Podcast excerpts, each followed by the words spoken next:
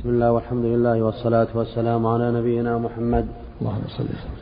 قال الإمام مسلم رحمه الله تعالى حدثنا قتيبة بن سعيد قال حدثنا ليث عن ابن شهاب عن أنس بن مالك رضي الله عنه أنه أخبره أن رسول الله صلى الله عليه وسلم نهى عن الدباء والمزفة أن ينبذ فيه. وحدثني عمرو الناقد قال حدثنا سفيان بن عيينة عن الزهري عن أنس بن مالك رضي الله عنه أن رسول الله صلى الله عليه وسلم نهى عن الدباء والمزفة أن ينتبذ فيه. قال وأخبره أبو سلمة أنه سمع أبا هريرة رضي الله عنه يقول قال رسول الله صلى الله عليه وسلم لا تنتبذوا في الدباء ولا في المزفة. ثم يقول أبو هريرة واجتنبوا الحناتم. حدثني محمد بن حاتم قال حدثنا بهز قال حدثنا وهيب عن سعيد عن أبيه عن أبي هريرة رضي الله عنه عن النبي صلى الله عليه وسلم أنه نهى عن المزفة عن المزفة والحنتم والنقير. قال قيل لأبي هريرة ما الحنتم؟ قال الجرار الخضر.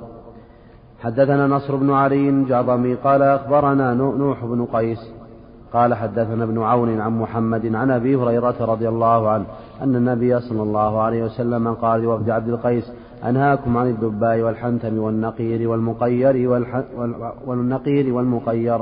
والحنتم المزادة المحبوبة المجبوبة. المجبوبة في اللفظ في اللفظ الآخر والحنتم والمزادة المجبوبة. صح نعم.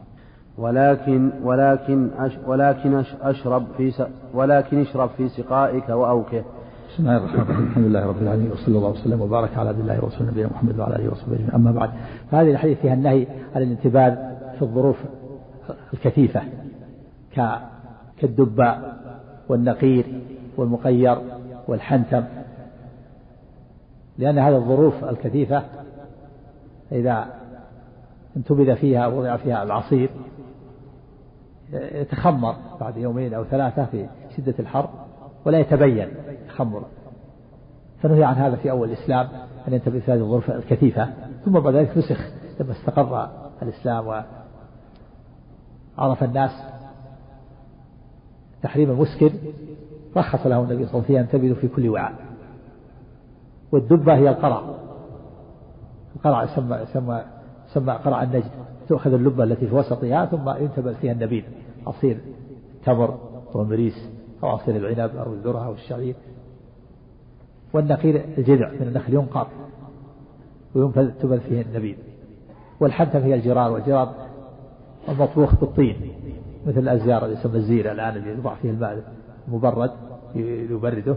طين مطبوخ يسمى الحنتم والجرار الخضر. والمبلط والمزفت المطري في القار والزفت مبلط. هذه الأوعية ثقيلة.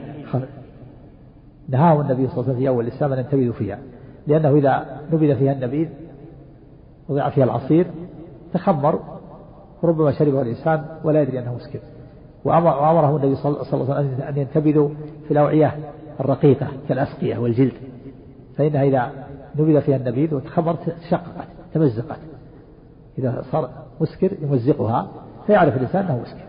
بخلاف الظروف الثقيلة خف كثيفة مثل الحنتم والنقير والدبة والمزفت هذه كثيفة ما يمزقها الإسكار. فربما شرب الإنسان العصير يظنه عصيرا وقد تخمر وصار مسكرا. فأمرهم النبي صلى الله عليه وسلم في أول الإسلام أن ينتبذوا في الظروف الخفيفة وهي الجلد.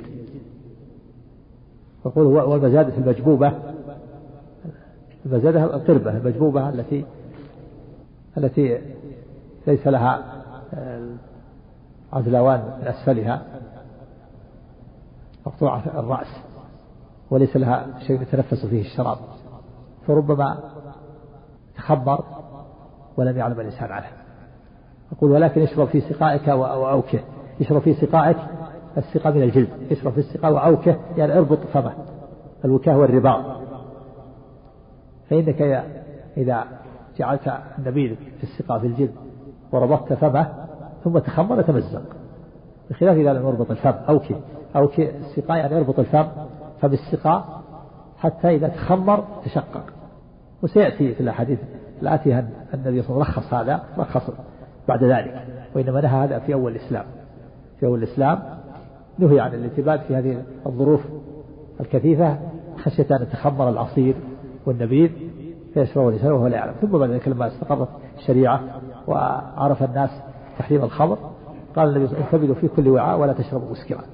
ينتبه الإنسان في كل وعاء ثقيل ولا خفيف لكن مع ملاحظة آه، عدم شرب المسكر ملاحظة النبيذ والشراب والتأمل فيه حتى لا يشرب الإنسان مسكرا. نعم.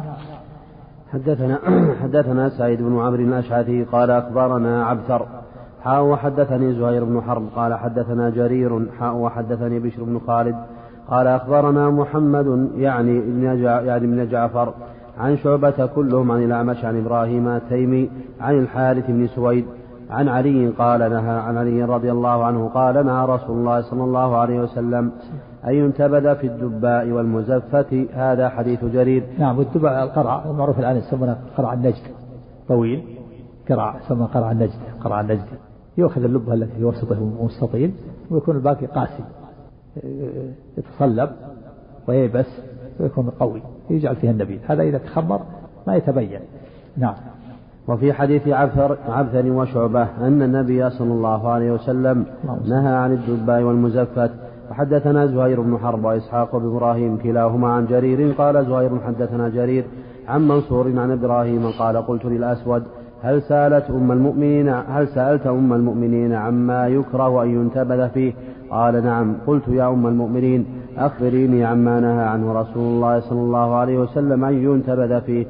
قالت نهانا أهل البيت أن ننتبذ في الدباء والمزفت. قال قلت له أما ذكرت. أما ذكرت الحنتم والجر؟ قال إنما أحدثك بما سمعت أو أحدثك ما لم أسمع. نعم. والحنتم والجر هو المطبوخ من الطين والمدر. مثل الزير اللي يسمونها الزير اللي يصب فيها الماء. مطبوخ من الفخار من الفخار والطين. يطبخ ويكون صلب. صب في الماء يبرد الماء. هو الحنتم والأزيار. قبل أن توجد الثلاجات الناس يضعون في الزير يشترون زير مطبوخ من الطين وموجود الآن. وبعضهم يجعل في القربة قربة يبرد الماء في القربة أو في الزير الآن وجدت الثلاجات. نعم. وحدثنا سعيد بن عمرو الأشعثي قال أخبرنا عبثر عن الأعمش عن إبراهيم عن الأسود عن عائشة رضي الله عنها عنها أن النبي صلى الله عليه وسلم نهى عن الدباء والمزفت.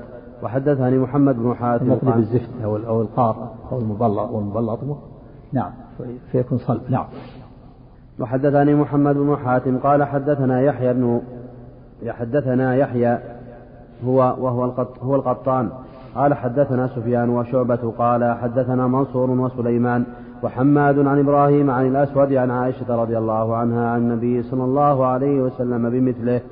حدثنا شيبان بن فروخ قال حدثنا القاسم يعني من الفضل قال حدثنا ثمامة بن حزن القشيري قال لقيت عائشة رضي الله عنها فسألتها عن النبي حدثتني أن وفد عبد القيس قدموا على النبي صلى الله عليه وسلم فسألوا النبي صلى الله عليه وسلم عن النبيذ فنهاهم, فنهاهم فنهاهم أن ينتبذوا في الدباء والنقير والمزفة والحنتم. نعم وفد عبد القيس أسلموا قديما.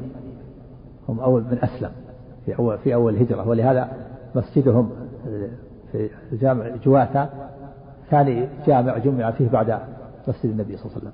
وقيمة الجمعة في مسجد النبي صلى الله عليه وسلم وثاني جمعة أقيمت في مسجد جواثة لا وفد بن عبد القيس في الأحساء. مو موجود الآن. موجود في الأحساء الآن. وعليه كذا آثار. لأنه مسموا قديما. ولهذا نهاهم النبي صلى الله عليه وسلم أن ينتبذوا في هذه الأوعية الكثيفة. ثم بعد ذلك رخص. رخص في الانتباه في أي وعاء مع ملاحظة آه، الإسكار. وأن الإنسان ينتبه الإنسان فلا يشرب المسكر نعم. وحدثنا يعقوب ابن, إبراهيم قال حدثنا ابن علية قال حدثنا إسحاق بن سويد عن معاذة عن عائشة رضي الله عنها قالت نهى رسول الله صلى الله عليه وسلم عن الدباء والحنتم والنقير والمزفت. وحدثنا إسحاق بن إبراهيم قال أخبرنا عبد الوهاب الثقفي قال حدثنا إسحاق بن سويد بهذا الإسناد إلا أنه جعل مكان المزفت المقير حدثنا يحيى بن يحيى قال أخبرنا عباد بن عباد المقير مطلب القاف ومزفت المطلب الزفت نعم تقارب نعم.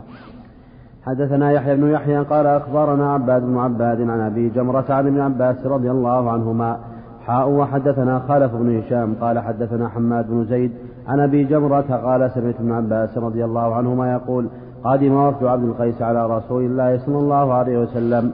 فقال النبي صلى الله عليه وسلم أنهاكم عن الدباء والحنتم والنقير والمقير. وفي حديث حماد جعل المقير مكان المقير المزفت. حدثنا أبو بكر بن أبي شيبة قال حدثنا علي بن مسر عن الشيباني عن حبيب عن سعيد بن جبير عن ابن عباس رضي الله عنهما قال نهى رسول الله صلى الله عليه وسلم عن الدباء والحنتم والمزفة والنقير. حدثنا أبو بكر بن أبي شيبة قال حدثنا محمد بن فضيل عن حبيب بن أبي عمرة عن سعيد بن جبير عن ابن عباس رضي الله عنهما قال نهى رسول الله صلى الله عليه وسلم عن الدباء والحنتم والمزفة والنقير وأن يخلط البلح بالزهو. نعم. يسرع إليه إسكار البلح البسر الزهو المنقط اللي بدأ فيه التمر.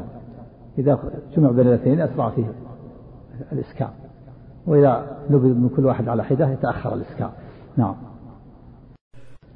حدثنا محمد مثنى قال حدثنا عبد الله عبد الرحمن بن مهدي عن شعبة عن, يحيى البهراني قال سمعت ابن عباس رضي الله عنهما حاء وحدثنا محمد بن وحدثنا محمد بن بشار قال حدثنا محمد بن جعفر قال حدثنا شعبة عن يحيى بن أبي عمر عن ابن عباس رضي الله عنهما قال نهى رسول الله صلى الله عليه وسلم عن الدباء والنقير والمزفت حدثنا يحيى بن يحيى قال أخبرنا يزيد بن زريع عن تيمي حاء وحدثنا يحيى بن أيوب قال حدثنا ابن علية قال أخبرنا سليمان التيمي عن أبي نضرة عن أبي سعيد رضي الله عنه أن رسول الله صلى الله عليه وسلم نهى عن الجر أن ينبذ فيه. حدثنا يحيى بن أيوب قال حدثنا ابن علي يعني يقصد فيه النبيذ لأنه لأن الجر ثقيل ظرف كثيف. نعم وهل من الطيب؟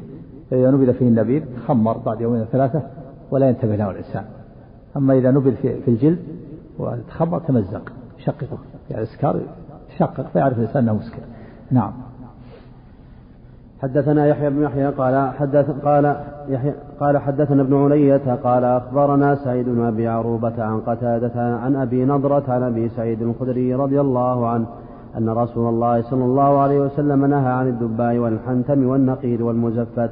وحدثنا محمد المثنى قال حدثنا معاذ بن هشام قال حدثني أبي عن قتادة بهذا الإسناد أن نبي الله صلى الله عليه وسلم نهى أن ينتبذ فذكر مثله.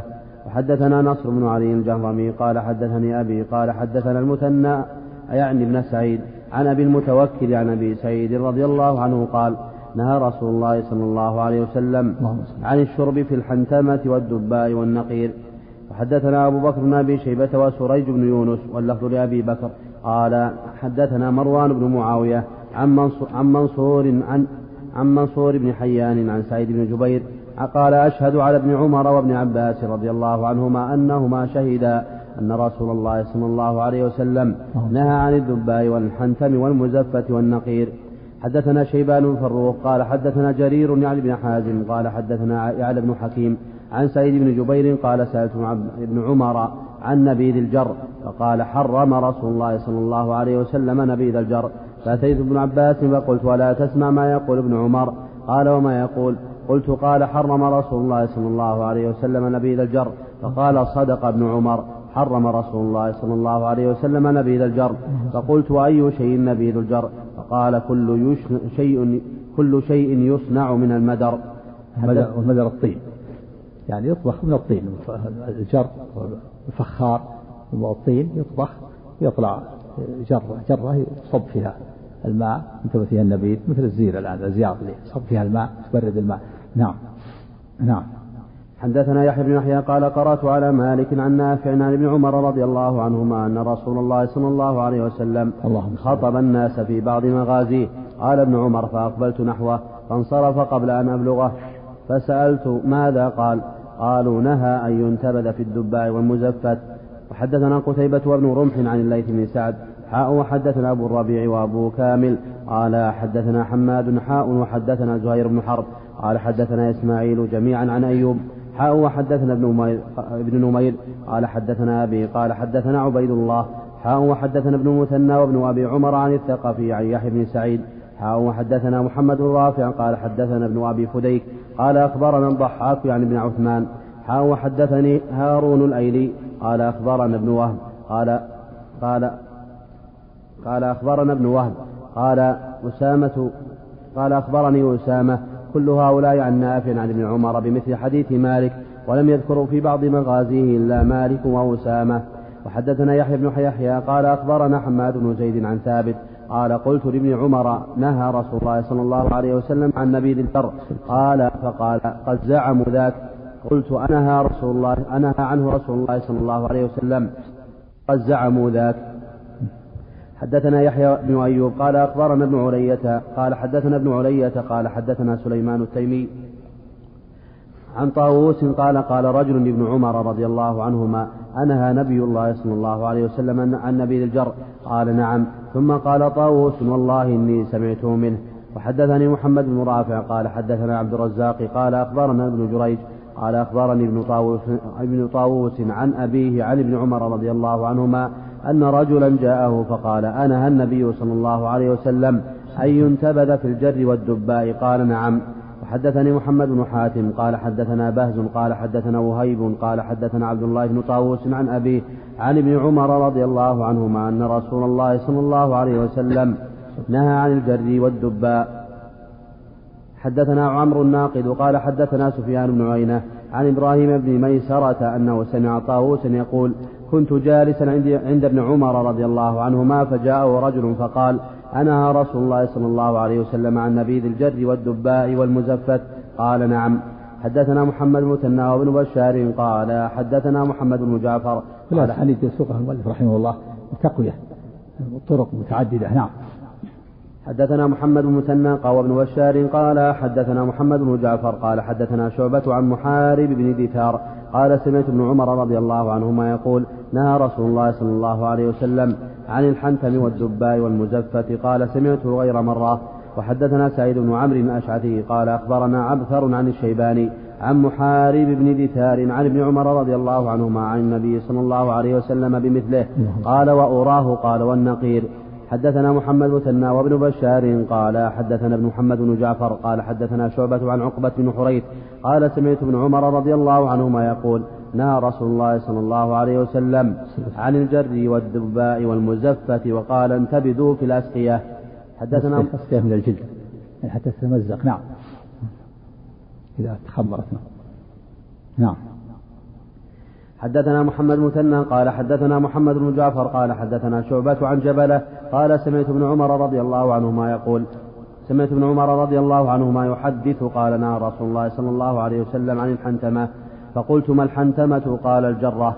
قال حدثنا عبيد الله بن معاذ قال حدثنا أبي قال حدثنا شعبة عن عمرو بن مرة قال حدثني زادان قال قلت لابن عمر حدثني بما نهى عنه النبي صلى الله عليه وسلم من الأشربة بلغتك بلغتك وفسره لي بلغتنا فإن لكم لغة سوى لغتنا. فقال نهى رسول الله صلى الله عليه وسلم عن الحنتم وهي الجرة وعن الدباء وهي القرعة وعن المزفة وهو المقير وعن النقير وهي النخلة وهي النخلة.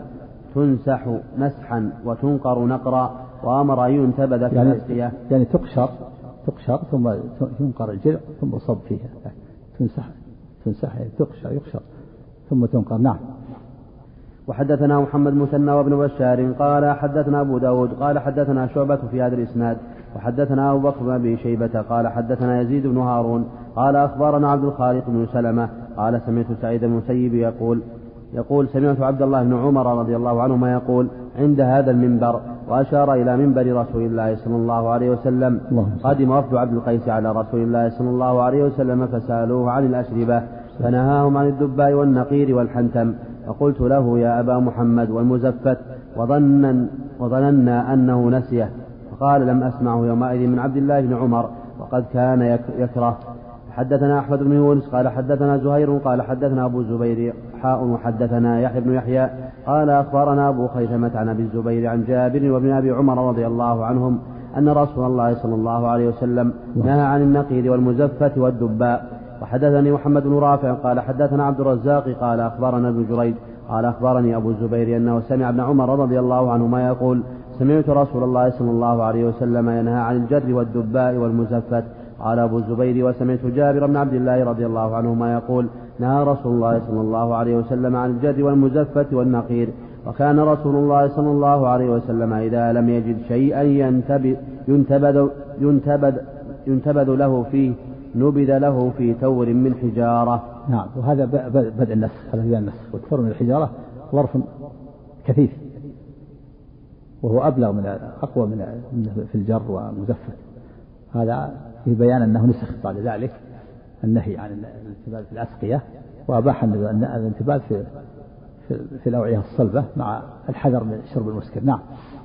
نعم. نعم. تمزق إذا أسكر تمزق. نعم. حدثنا يحيى بن يحيى قال أخبرنا أبو عوانة عن أبي الزبير عن جابر بن عبد الله رضي الله عنهما أن النبي صلى الله عليه وسلم كان ينبذ له في ثور من حجارة. وحدثنا أحمد بن يونس قال حدثنا زهير قال حدثنا أبو الزبير. حاء وحدثنا يحيى بن يحيى قال أخبرنا أبو خيثمة عن أبي الزبير عن جابر رضي الله عنهما قال كان ينتبذ لرسول الله صلى الله عليه وسلم في سقاء فإذا لم يجدوا سقاء نبذ له في ثور من حجارة. وقال بعض القوم وأنا أسمع لأبي الزبير لأبي الزبير من برام قال من برام نعم برام من الحجارة برام من برام من حجارة أو نحاس. وهو أصيغ صلبة نعم.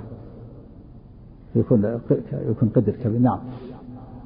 حدثنا أبو بكر بن أبي شيبة ومحمد مثنى قال حدثنا محمد بن فضيل قال أبو بكر عن أبي سنان وقال ابن مثنى عن ضرار بن مرة عن محارب عن أبي بريدة عن أبيه حاء وحدثنا محمد بن عبد الله بن نمير قال حدثنا محمد بن فضيل قال حدثنا ضرار بن مرة أبو سنان عن محارب بن دثار عن عبد الله بن بريدة عن أبيه رضي الله عنه قال قال رسول الله صلى الله عليه وسلم نهيتكم عن النبيذ إلا في سقاء فاشربوا في الأسقية كلها ولا تشربوا مسكرا.